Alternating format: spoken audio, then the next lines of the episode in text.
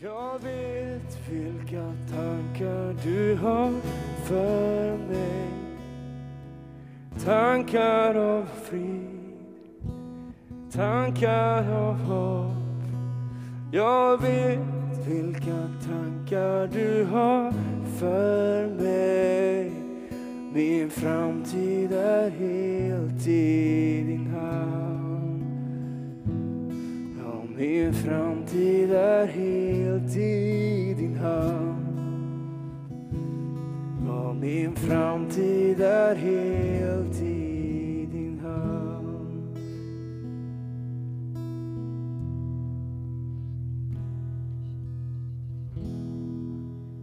Halleluja, vi bara tackar dig för att du är här med den helige Ande. Tack att du älskar oss var och en. Och du har en dröm i ditt hjärta, Herre, och du ser vad, vad, vad du har gjort på korset för oss var och en. Och tack att du har berättat någonting fantastiskt, underbart Herre. Och vi bara vill gå in i det mer och mer. Och vi bara ger våra hjärtan till dig idag. Tack att du öppnar Guds ord för oss idag. Du hjälper mig att tala ditt ord idag. I Jesu namn. Amen.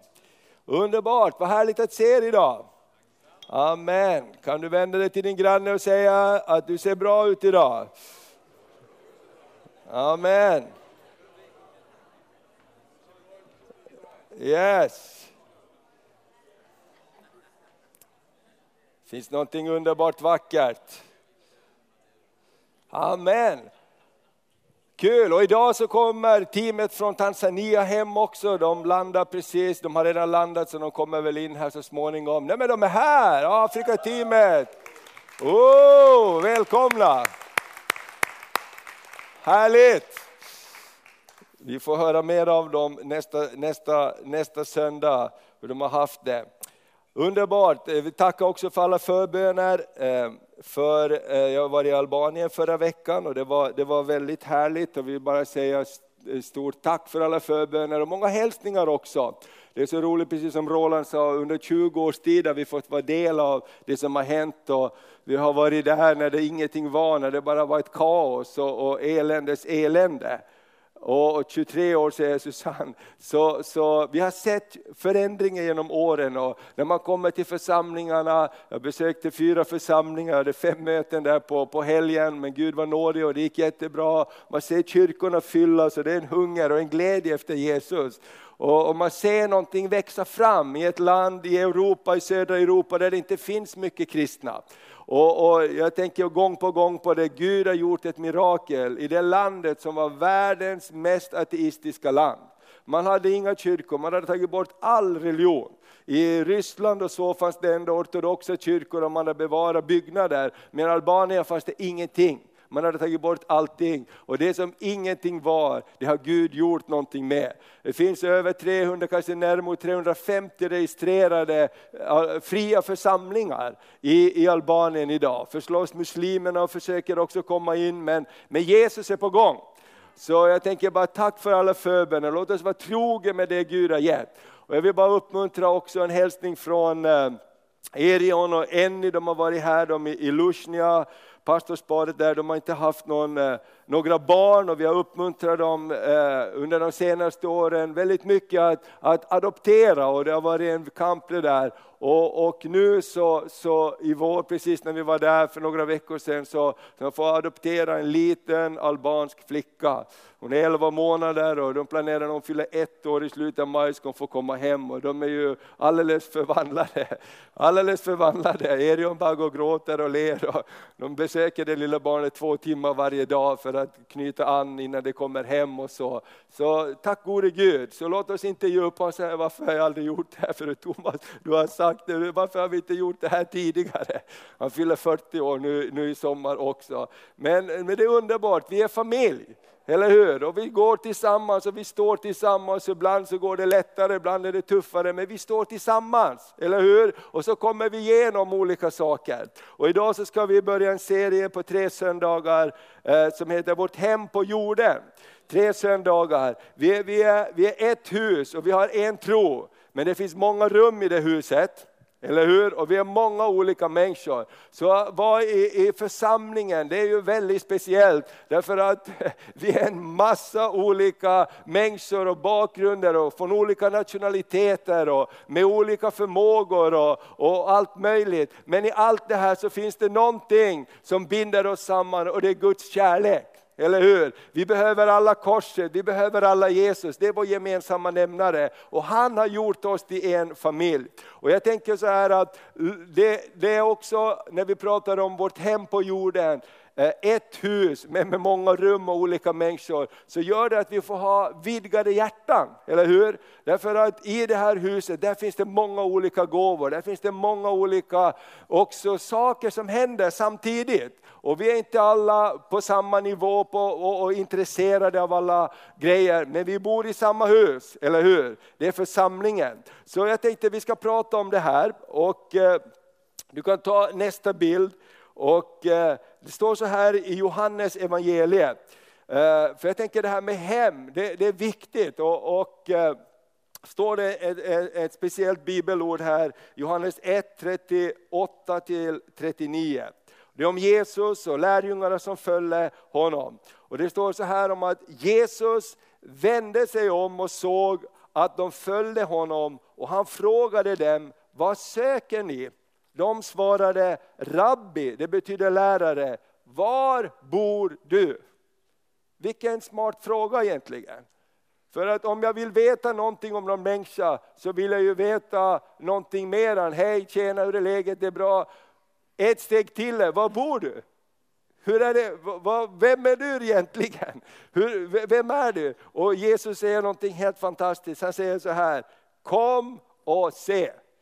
Och det är ju det som församlingen handlar om också. Människor som får möta Jesus, människor frågar samma frågor. Var bor du? Vad, vad, vad, handlar ditt liv om? Både vårt privata men också vårt troende liv med Jesus. Var bor du? Och jag tänker så här, vi ska prata om det. Var bor du? Vad är vårt hem? Vad är vår församling? Och så står det så här, de gick med Jesus och såg var han bodde. Och de stannade hos honom den dagen, det var omkring tionde timmen. Och jag bara önskar att våra liv ska vara på samma sätt, att vi ska kunna säga till människor som frågar, var bor du? Kom och se. Vad har du i ditt liv som, som inte jag har? Kom och se. Eller hur? Att våra hem också, personliga hem, ska få vara öppna platser. Man säger så här i, i Sverige att hemmet är vår borg. Och ibland så verkar den där borgen helt ointaglig. Eller hur? Borgen är så, så, så, så, så, så väl bemästrad och belamrad som man inte tar sig in där. Låt oss ändra på det, eller hur? Låt oss öppna våra dörrar, men också när det gäller församlingen. Den här församlingen är en församling med en öppen dörr. Eller hur? Vi vill ha en öppen dörr, vi vill kunna säga till människor, kom och se. För att någonting händer när vi kommer nära varandra. Du vet att eh, det var en som sa så, jag tror det var Tommy Dahlman som skrev en bok, alla är normala tills man lär känna dem. Eller hur? Alla är normala tills man lär känna dem. Och det är ju så lätt att se ut så här, så är det. Men du vet att när vi kommer hem till varandra, så hur vackert och fint det än är, så kan det hända att disken står på diskbänken ibland. Det kan hända att sted, soporna inte är uttagna, det kan hända att tvätten inte är tvättad. Eller hur? Det kan hända att alla rum inte är dammsugade, men du trivs där i alla fall, därför är det ditt hem. Eller hur? Och så är det i våra liv också. Allt kanske inte alltid är på hundra på topp, men när vi ger våra hjärtan till honom och varandra, då bär vi varandra. Och det finns någonting som är skönt och vackert med det också. Och jag brukar säga det till Maria också. Här är Maria! Maria, Maria! Kul att se dig. För ibland har kvinnor så fantastiskt eh, behov att det ska vara så fint och bra och kanske män inte alltid har det på samma sätt. Jag vet inte, det kanske bara hos oss. Men vi har städat Maria när du kommer hem, det är vackert nu, det är diskat också. Så var lugn. Men det gör inte så mycket. Tänk om någon folk kommer, låt människor komma, därför att det är våra liv. Eller hur? Det är våra liv. Och, och, och på det sättet. Så låt oss säga som Jesus, kom och se. Amen. Och de gick hem till Jesus, stod det. Okej, nästa bild. när, när det gäller vårt hem, hur, hur bygger vi vårt hem? Vad är det som präglar vårt hem? Vad är det som gör att ett hem blir ett hem? Och då tänkte jag på några saker. En sak som gör ett hem till ett hem, det är värderingar. Vilka värderingar har vi i vårt hus? Vilka värderingar har jag i mitt hus? Vilka värderingar har vi i vår församling? Eller hur? De värderingarna, precis det som vi har pratat så mycket om, som Magdalena upplever. Vi har sagt att vi vill vara en välkomnande kyrka, vi vill vara en varm kyrka. Vi brukar uppmuntra varandra att hälsa på varandra. Och vi säger det gång på gång, kanske människor sitter i gudstjänsten, går igenom en massa olika grejer. De kanske inte hör ett ord av allt som sägs, men någon träffar dem i fikat, någon, någon möter deras hjärtan och lyssnar på dem i kafeterian och deras dag kan vara annorlunda. Alla betyder vi någonting för varandra, eller hur? Så värderingar och vad tror vi på, vad står vi för, vad, vad, vad byter vi inte bort? Och den andra saken är atmosfär. För värderingarna skapar en viss atmosfär i vår, vårt hem. Och vår atmosfär, det är den miljö vi lever i. Eller hur? Och, och, det är så uh, att när man åker på olika platser, jag var i den här helgen så har vi varit med om lite olika saker och vi kom in i ett, i ett hus där, där inte Jesus bodde kan man säga. Och det, det, det bara kändes när man öppnade dörren, bunk! Vad, vad kommer vi in i här för någonting? Det, det var ett mörker. Det var, det var ett mörker, därför atmosfären säger så mycket. Och jag tänker så här, om vi prisar Jesus i vårt hem, om vi säger tack Jesus i vårt hem, då händer det någonting med atmosfären. Amen. Om vi välsignar varandra i vårt hem, om vi förlåter varandra i vårt hem, Amen. Om vi uppmuntrar varandra i vårt hem, då händer det någonting med atmosfären. Amen. Och det är det jag tänkte att vi skulle prata om idag, värderingarna och atmosfären. Och i nästa söndag så ska vi ha många vittnesbörd också, och då ska vi tala om drömmar. För att i ett hem där det inte finns drömmar, där blir det ganska mediokert. Där står tvn på hela dagen och det finns inte så mycket att drömma om i framtiden. Men där det finns drömmar mina vänner, där finns det också bönesvar. Därför en dröm gör att jag vill be, jag vill drömma, det kan förändras, det kan hända någonting. Vi ber tillsammans, det verkar kört men vi ber tillsammans, eller hur? Vi har en dröm om att se någonting annat och det fyller oss, eller hur? Amen. Vi drömmer om, det kanske är så här just nu, men vi drömmer om att det ska bli så och så. Och den där drömmen är så viktig, för när du slutar drömma så blir du apatisk. Det spelar ingen roll, eller hur? Men när du drömmer så händer det någonting helt fantastiskt. Och jag tänker att drömmen skapar den här bönen i, i våra liv också. Jag brukar säga jag är så tacksam för min, min mamma i Finland, är det mors idag, hon ringde och påminde mig. Och, vi har morsdag nästa söndag tror jag här. Men så är mamma. Men jag tänker det, jag ser på, mina, på, på, våra, på våra barn, mina, mina bröder och våra barn, kusinerna, hur, hur de en efter en kommer tillbaks in till, till Jesus och börjar gå med Jesus, börjar gå på bibelskolor, börjar säga att gå med Jesus är det viktigaste. Och det var inte så. Kommer du ihåg Carl Wilhelm som var här och vittnade om, om sitt liv till, för, för, för något år sedan. Nu har han varit ute på, på, på mission på olika ställen och han brinner för det här. Och jag tänker så här, tack gode Gud att det finns en liten gumma som drömmer om sina barnbarn. De ska gå med Gud, de ska gå med Gud. Ja men det ser inte så ut, det spelar ingen roll. Vi ber, vi ber, vi ber, vi ber. Amen. Drömmen är så viktig, det ska vi tala om nästa gång. Sen sista gången, om tredje söndag, så ska vi tala om vår historia och vår framtid. Amen. Väldigt spännande. Eh, Okej, okay, då går vi vidare. Våra värderingar. Vi vill vara en församling som är fylld av tro på Gud. Och det ska vi stanna till idag och prata om lite. Fylld av tro på Gud. För det är det liksom grejen är att vara en kristen. Eller hur? Att vara en kristen det handlar om att tro på Gud. Hebreerbrevet 11 och 6 säger det är omöjligt att behaga Gud om man inte tror att han är till och att han belönar den som söker honom.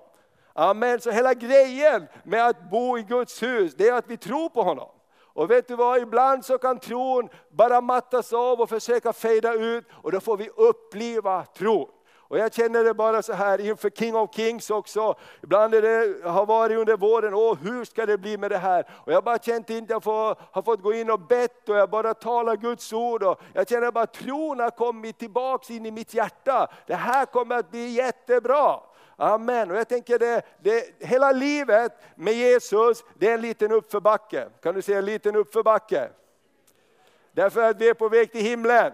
Och det är på något sätt så här att Jesus har gjort det så att vi måste vara beroende av honom. Det är jättejobbigt att gå mot himlen i egen kraft. Det blir jobbigt, det blir tungt, men när vi börjar lyfta våra händer så säger pappa, hjälp mig, dra mig, så kommer det en vind från himlen. Det kommer någonting som heter styrka ifrån himlen och glädje som gör att vi börjar gå vidare.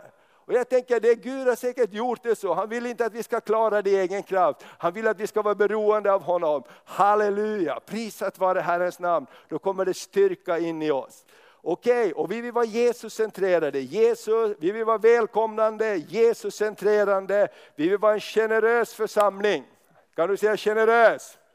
Amen, det betyder på alla områden ska vi vara generösa. Amen. när det gäller attityder, när det gäller vänskap och på olika sätt och ekonomi och att uppmuntra varandra. Och vi vill vara en församling som tänker på nästa generation. Amen. Låt oss tala lite grann om, om tro, det här fyllda av tro. Eh, jag har tänkt på det mycket de, de senaste veckorna, jag bara tänkt på det vad viktigt det är med tron egentligen.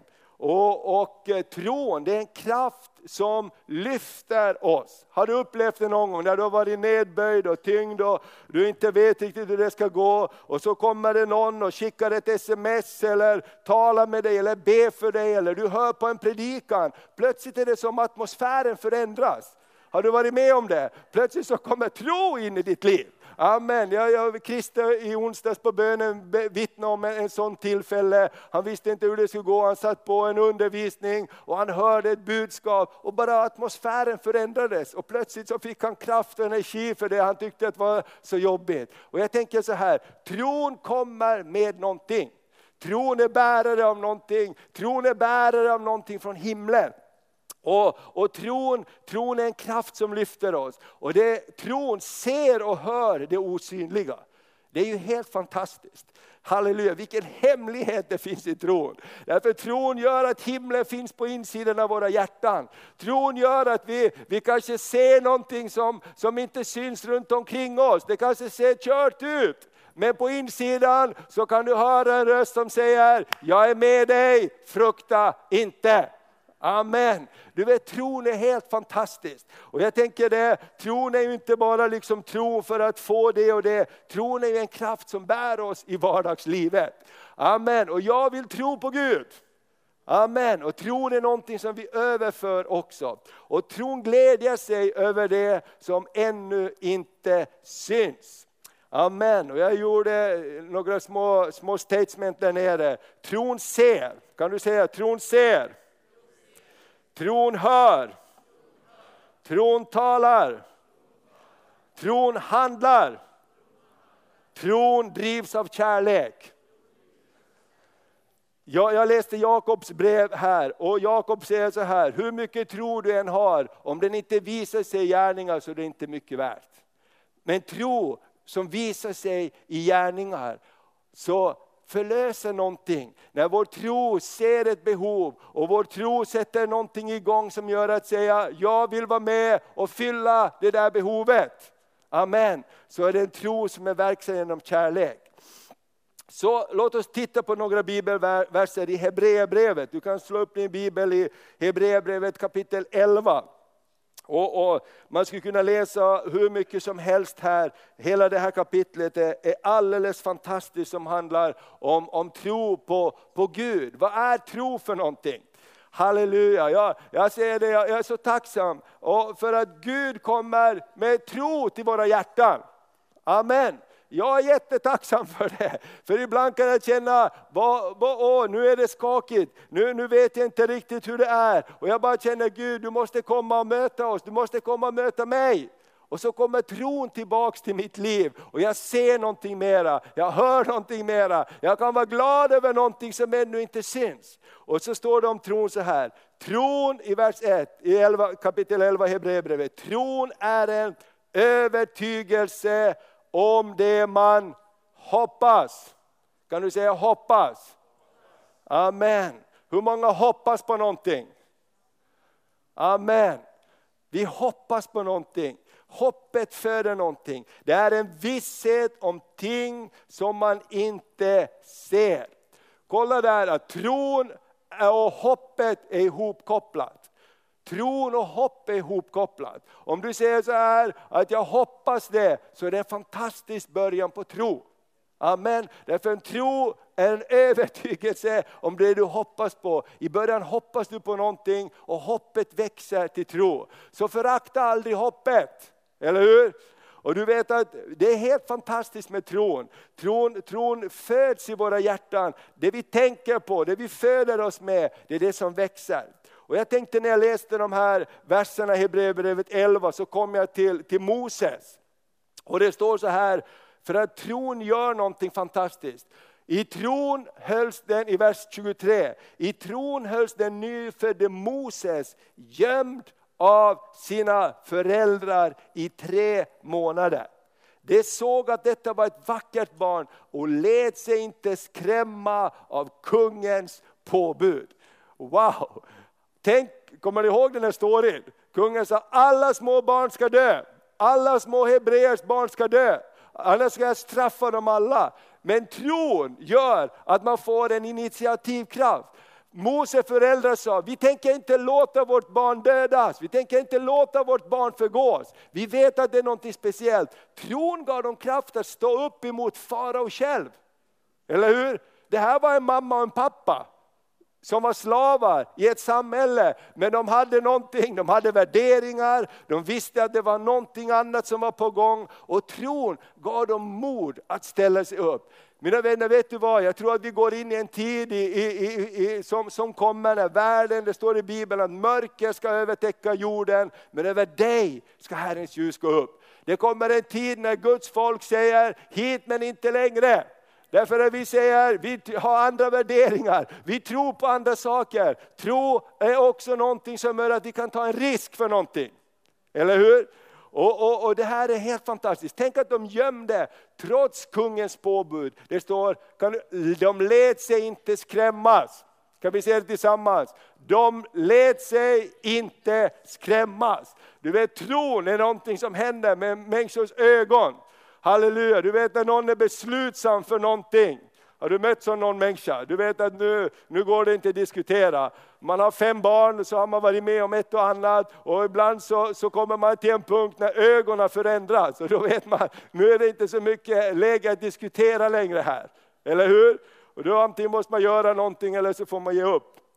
Men tänk att de så, tron gjorde att de lät sig inte skrämmas.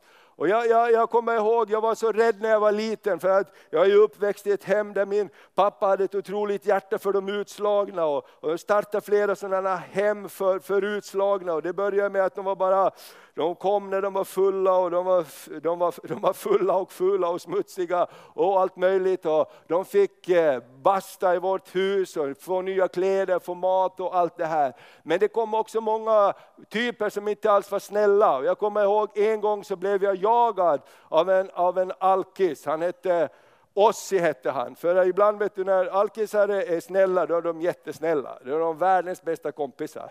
Eller hur? Det är inga problem att få en glass eller två. Men när någonting händer i dem, att de inte är liksom på humör, då, då händer det någonting. Och jag kommer ihåg, jag mötte ena och han, han blev så arg på något sätt. För jag cyklade runt där och jag började, jag började cykla ifrån och han sprang efter mig. Och jag, och jag, jag trillade, jag vet inte, och jag bara kutade och så snubblade han. Och så snubblade han och trillade och så hann jag springa in och, och gömma det där gjorde att, att eh, jag hade med mig det där hela tiden. Du vet, det blev som en, en nästan panikgrej. Va? Man fick mardrömmar av den där snubben som försökte jaga mig. Kunde vakna natten, han fick just och just tag på mig. Oh, man drog upp fötterna i sängen. Är det okej okay att prata lite så här? Okej, okay. och du vet att en gång när jag var hemma ensam senare, så, så när jag växte upp så förföljde det där mig. Och jag, och, och jag hörde ljud i källaren.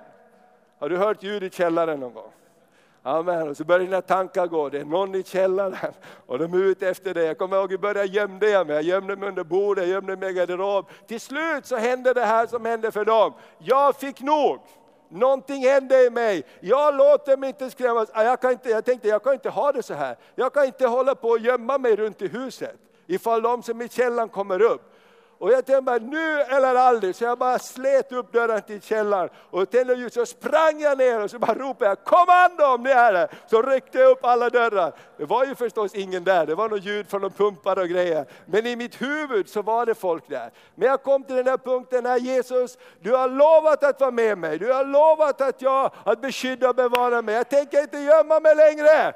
Amen! Mose föräldrar sa, vi låter oss inte skrämmas. Amen, för tron gör någonting. Halleluja, vi behöver uppleva trons ande. Du kanske går igenom en situation där omständigheterna skrämmer dig. Bara du öppnar dörren, bara du öppnar ögonen på morgonen så är den där och grinar dig i ansiktet. Jag tror Gud uppmuntrar dig idag i det hus som vi kallar Guds hus. Där bor trons ande. I det hem som vi kallar vårt hem, där bor den heliga ande, där bor Jesus. Där bor någonting som är större. Amen. Halleluja, en fruktan. Och jag bara tror tron ska förlösas i våra liv så vi får någonting mera i blicken. Kan du säga amen? Amen. Och det sista bibelordet här i Hebreerbrevet, läs Hebreerbrevet gärna när du kommer hem, kapitel 11. Så står det så här i vers 27. Genom tron lämnade Moses Egypten utan att frukta kungens vrede. Det står att han inte räknade heller jämlikheten, att han var en i kungens hus för någonting värd när han upptäckte vem han egentligen var på insidan. Och det står så här, han höll ut därför han liksom såg den osynlige. Kan du säga han såg? Han såg. Min vän, tron vill hjälpa oss att se det osynliga. Amen. Och nu pratar jag inte om att bli konstig här. Va? Att se och höra massa grejer och lulla fram. Men du vet att vi kan se någonting på insidan. Vi kan ta emot någonting på insidan. Vi kan ha någonting på insidan, ett löfte från Gud som blir större än hoten runt omkring oss. Tänk att de här grejerna är skrivna. Lite längre ner i Hebreerbrevet så säger Hebreerbrevets författare, tiden är mig allt för kort om jag skulle berätta om Jefta, om David, om alla de här hjältarna i Gamla Testamentet. Alla de som var svaga men de blev starka. Jag älskar det där bibelordet. De var svaga men de blev starka och drev främmande härar på flykten. Amen. Gideon var ingen tuff kille. Han var en som gömde sig. Eller hur? Men Gud gjorde någonting med honom. Och jag tänker så här, vårt hem på jorden, låt familj på jorden, låt det vara en trosfylld atmosfär. Ibland är det någon av våra syskon, och eh, kanske du ibland, kanske jag ibland, man går igenom saker, man känner att man har tappat tron och allting. Då behöver man någon broder, någon syster som säger, kom igen, vi står tillsammans, nu ska vi be tillsammans, nu ska vi stå tillsammans. Det här är inte slutet, det finns någonting mer. Amen. Och då kan vi lyfta varandra. Tänk att få komma in i en trosfylld atmosfär.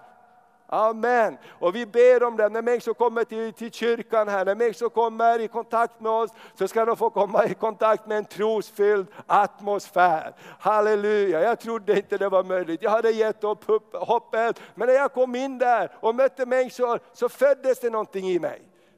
Visst vill vi höra om de vittnesbörden. Halleluja! Så låt oss tro på Gud. Så en trosfylld atmosfär. Eh, nästa bild. Tron gläder sig över det som ännu inte syns. I Romarbrevet 4 så står det om Abraham. Han tvivlade inte på Guds löften utan gav Gud äran och tackade Gud för han visste att vad Gud hade lovat det var han också mäktig att hålla. Tron glädjer sig över det som ännu inte syns. Amen. Och det här är min vän en jättestor hemlighet när det gäller att leva i tro. Därför att tron ser inte bara det som är runt omkring, tron ser någonting mer. Tron hör, det var så härlig sång som ni sjöng här om att, att pappa älskar oss. Ja, men det var det jag hörde, det var säkert några andra ord. Men, men här på slutet, han älskar oss, han tar oss upp, han bär oss, han bryr sig om oss. Tänk att bara leva med den bilden på insidan. Min pappa är starkare än din pappa. Amen. Var det än en som möter dig, vilket budskap är som kommer emot dig, så har vi en röst och en bild på insidan som säger, min pappa är starkare. Halleluja. Min pappa har lovat aldrig överlämna mig. Han har lovat aldrig lämna mig i sticket. Om jag än går igenom mörker så är han där. Amen. Psalm 23. Så det finns någonting underbart. Jag tänkte bara på några bibelord. Det står så här i Filipperbrevet 4 och 4. Gläd er ibland i Herren. Gläd er alltid i Herren. Hur är det möjligt? Jo, grejen är det, gläd er alltid över att Finland vinner i hockey. Nej, det funkar inte alltid. Gläd er alltid över att du får löneförhöjning. Nej, det funkar inte alltid. Gläd er alltid över att du får bönesvar varje gång du ber. Nej, det står gläd er alltid i Herren. Det är en väsentlig skillnad. Du vet att vi kan vara ledsna över saker som händer runt omkring oss, men vi kan glädja oss i Herren. Fröjd i Herren är vår starkhet. Saltaren säger, gläd er i Herren, ni rättfärdiga, prisa hans härliga namn. I Nehemja 8 och 10 står det, var inte bedrövade, för glädje i Herren är er styrka. Amen. Tänk för ett ögonblick om du skulle vara din egen fiende. Vad skulle du försöka ta bort ur ditt liv? Tron och glädjen i Herren, eller hur? Och, och jag tänker så här, låt oss glädja oss i Herren. Amen. Prisat vare Herrens namn. Har du någonting att glädja dig över i Herren?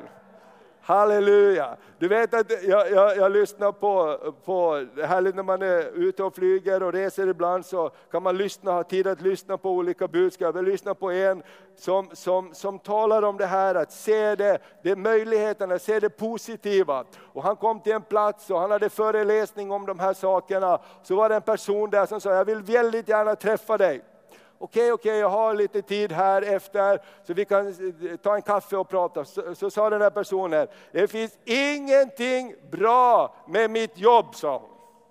Det, det, finns ingenting som är bra. Jag är så arg och så frustrerad. Jaså, sa han. Är det ingenting som är bra? Ha, pratar de vidare så här. Men du sa, jag vet någonting som kan hjälpa dig. För att antingen går det så här, att du kommer att blir så frustrerad att du slutar ditt jobb. Eller så finns det en annan möjlighet. Så tog han fram ett, ett block och så sa han så här, nu ska jag hjälpa dig och så ska vi tillsammans skriva ner saker du tycker att det är bra på ditt jobb. Det finns ingenting som är bra, sa jag. Jo men kom igen nu då, får du lön? Ja, jag får lön. Ja, men det är väl bra? Ja, det är bra. Får du bra lön? Ja, jag får, jag får, jag får bra lön. Jättebra, skriver vi upp det här. Eh, har du bra arbetstider? Ja, ja, jag har bra arbetstider, jag behöver inte jobba över. Ja, men det är väl bra? Ja, det är bra. Och så skrev de ner det här. Och så fortsätter de och skrev, får du, får du semester då? Ja, faktiskt, jag, jag, jag, jag får semester och, och, och jag jobbar länge här så jag får ofta välja först. Så att jag, Ja, men det är väl bra? Ja, men det var bra. Och så satt de och så skrev de 22 saker. Och så sa hon så här, när du kommer hem nu så vill jag att du sätter upp det här på badrumsskåpet. Så säger du, det här är jag tacksam över. Och sen nästa steg ska du säga att det här älskar jag med mitt jobb. Oh! Ja, bara pröva ska du få se. Och du vet, ett och ett halvt år senare så kommer den här tillbaks och, och, och, och den här personen sitter på första bänken och, och den är så uppfylld av, av förväntan. Och så säger jag, men vad roligt att se dig, hur är det? Och, och den här personen säger, du kan inte förstå vad alla människor på mitt jobb har förändrats under den här tiden. ah, jag tyckte det var så bra. Han, han lurade henne men han fick, hon fick en förändring. Jag tyckte det var så kul. Och det är på det där sättet att var inte bedrövade för glädjen i Herren är vår styrka. Amen, kan du säga amen? Halleluja. Så, låt, så ibland när lovsångsledaren säger kom igen, låt oss prisa Gud, så är det inte liksom därför att han måste göra det eller hon, utan därför att det händer någonting när vi börjar prisa Gud. Halleluja! När vi lyfter upp våra händer och säger tack Jesus, tack Jesus, tack för frälsningen, tack för att jag lever. Amen. När vi börjar tacka Gud för olika saker, då händer det någonting. Det andra jag vill prata om här idag, det är eh, atmosfären, det som präglar hemmet. Och, och, här kommer vi in och pratar om det som är motsatsen till tro. Ibland tror vi att motsatsen till tro är otro. Men motsatsen till tro är fruktan. Därför att när man fruktar någonting så vågar man inte lita på någonting. Eller hur? Man vågar inte tro på någonting. Och, och det, det, är så att tro och fruktan kan inte bo tillsammans. Då blir det liksom en, en tar över.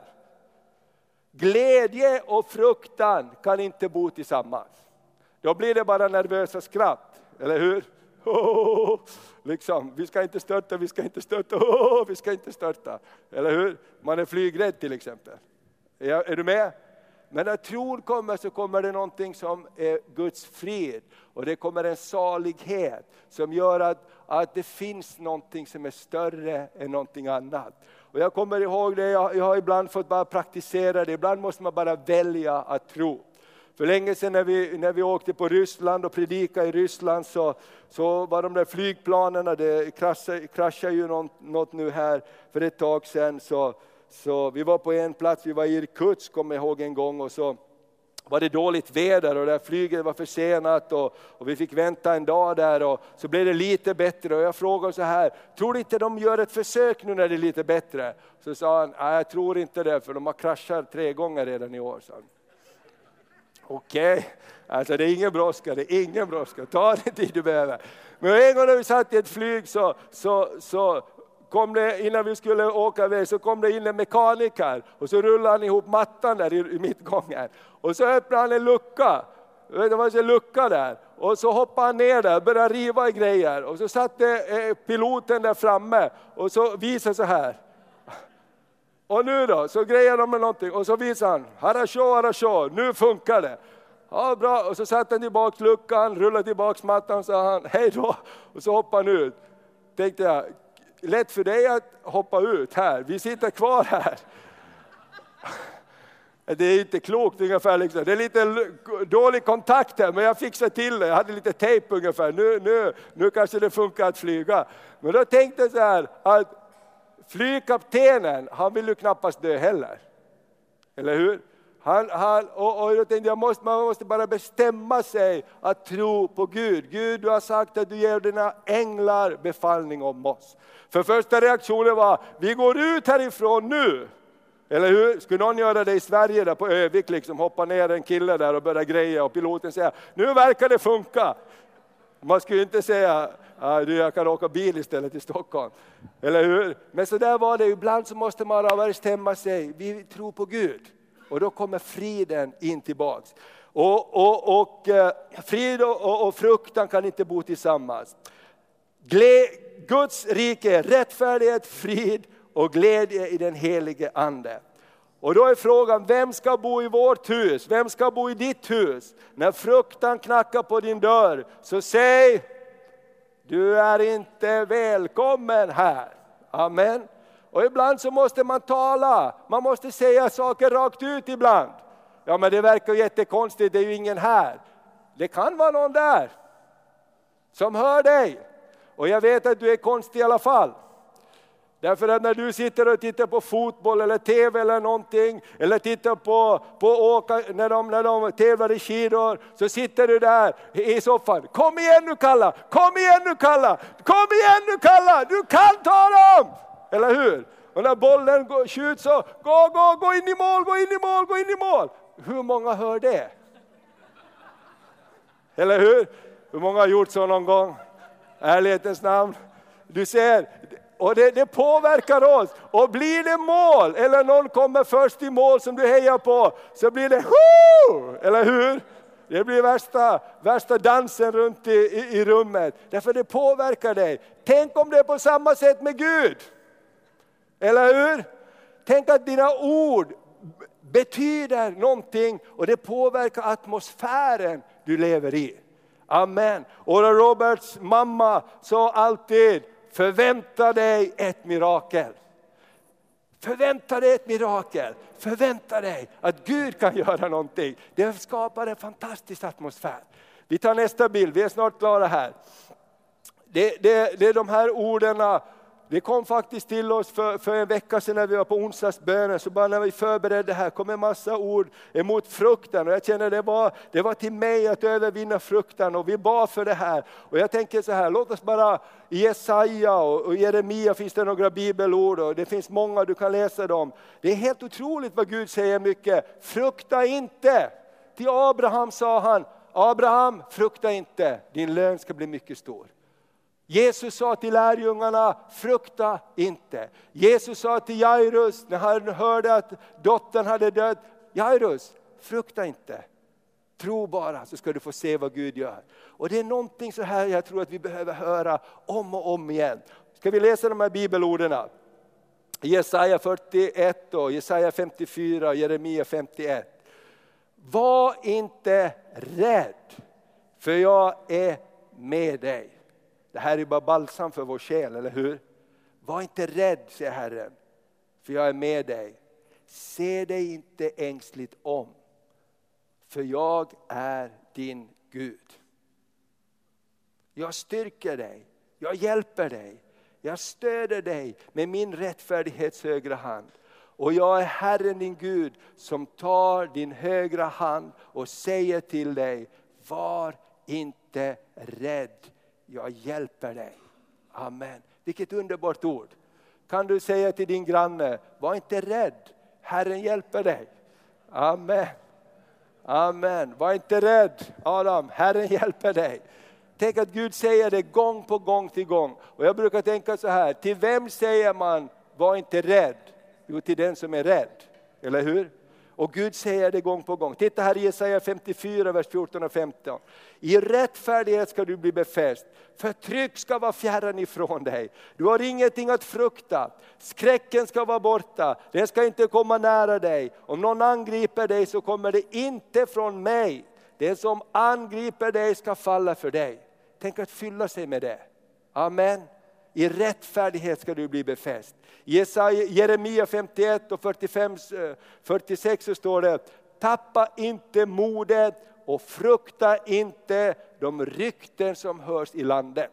Hur många gånger har vi inte blivit påverkade av det? Nu händer det, nu händer det, nu händer det. Och Gud säger, tappa inte modet och frukta inte rykten som hörs i landet. Även om ett rykte kommer det ena året, ett nytt rykte kommer nästa år, även om våld råder på jorden och härskare står mot härskare, så säger Herren, tappa inte modet.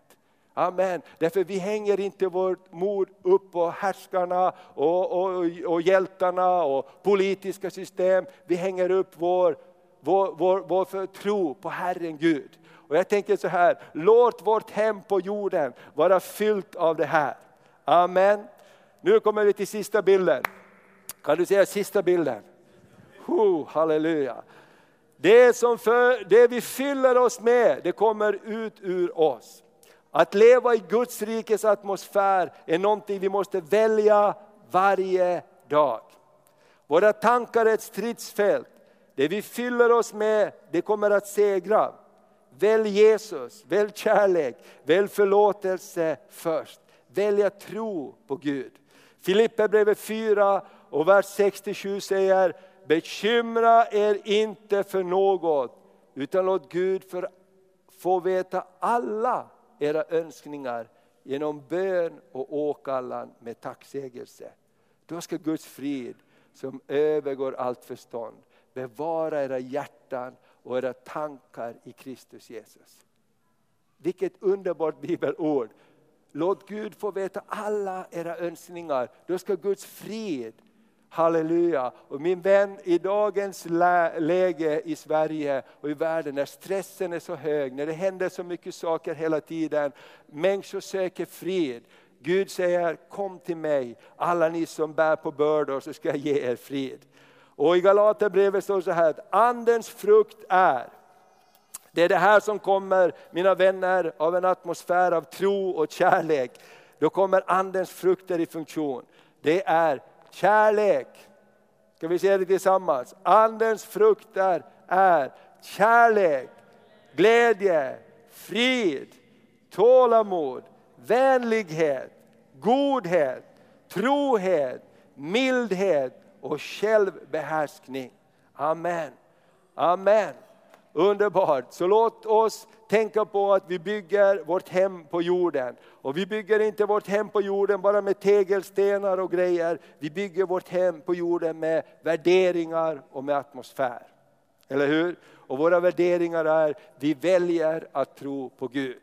Halleluja. Amen. Tack Jesus. Tack Herre för det här ordet också som har gått ut idag. Jag bara tackar dig att det ska slå rot. Jag ber Herre att trons ande ska bara beröra våra liv. Herre du ser vad människor står inför. Du ser att många går igenom olika saker i personliga liv, i familjer och Ibland så är det som att vi nästan har tappat tron, vi har nästan tappat hoppet. Men tack att du kommer Gud och du lyfter upp det igen. Du lyfter upp det igen. Och jag ber att vår församling ska vara ett hem på jorden med en trosfylld, kärleksfull atmosfär. Där vi säger till varandra, Gud kan, men Gud kan, men Gud kan, men Gud kan. Herre jag bara prisar dig. Tack Fader att vi ska få se mirakler, vi ska få se depressioner, tungsinne lämna och din, din, din närvaro komma och fylla olika saker och situationer på ett alldeles övernaturligt sätt. Vi ber i Jesu namn. Amen, amen, amen. Oh, halleluja, prisat vare Herrens namn. Amen. Wow. Amen. Tack Jesus, tack Jesus. Vi ska strax gå in i nattvarden här, men kan du ta en liten stund och så bara prata nu med dem som är runt omkring dig. Och kanske vi kan eh, prata med varandra om det är någonting som, som, som eh, oroar oss. Så kan vi säga till varandra, men jag ska, jag ska stå i tro tillsammans med dig om en förändring. Kan vi ta en liten stund så gör vi en liten konstpaus här innan vi går in i det här. Bara ta en minut och så pratar du med någon runt omkring dig. Och kanske det är någonting som du kan säga att ja, men jag kan tro med dig om det här. Amen. Du kanske inte sover bra om natten och behöver få sova bra om natten. Kanske har en jobbig situation på ditt arbete eller familj, men Gud vill förändra det.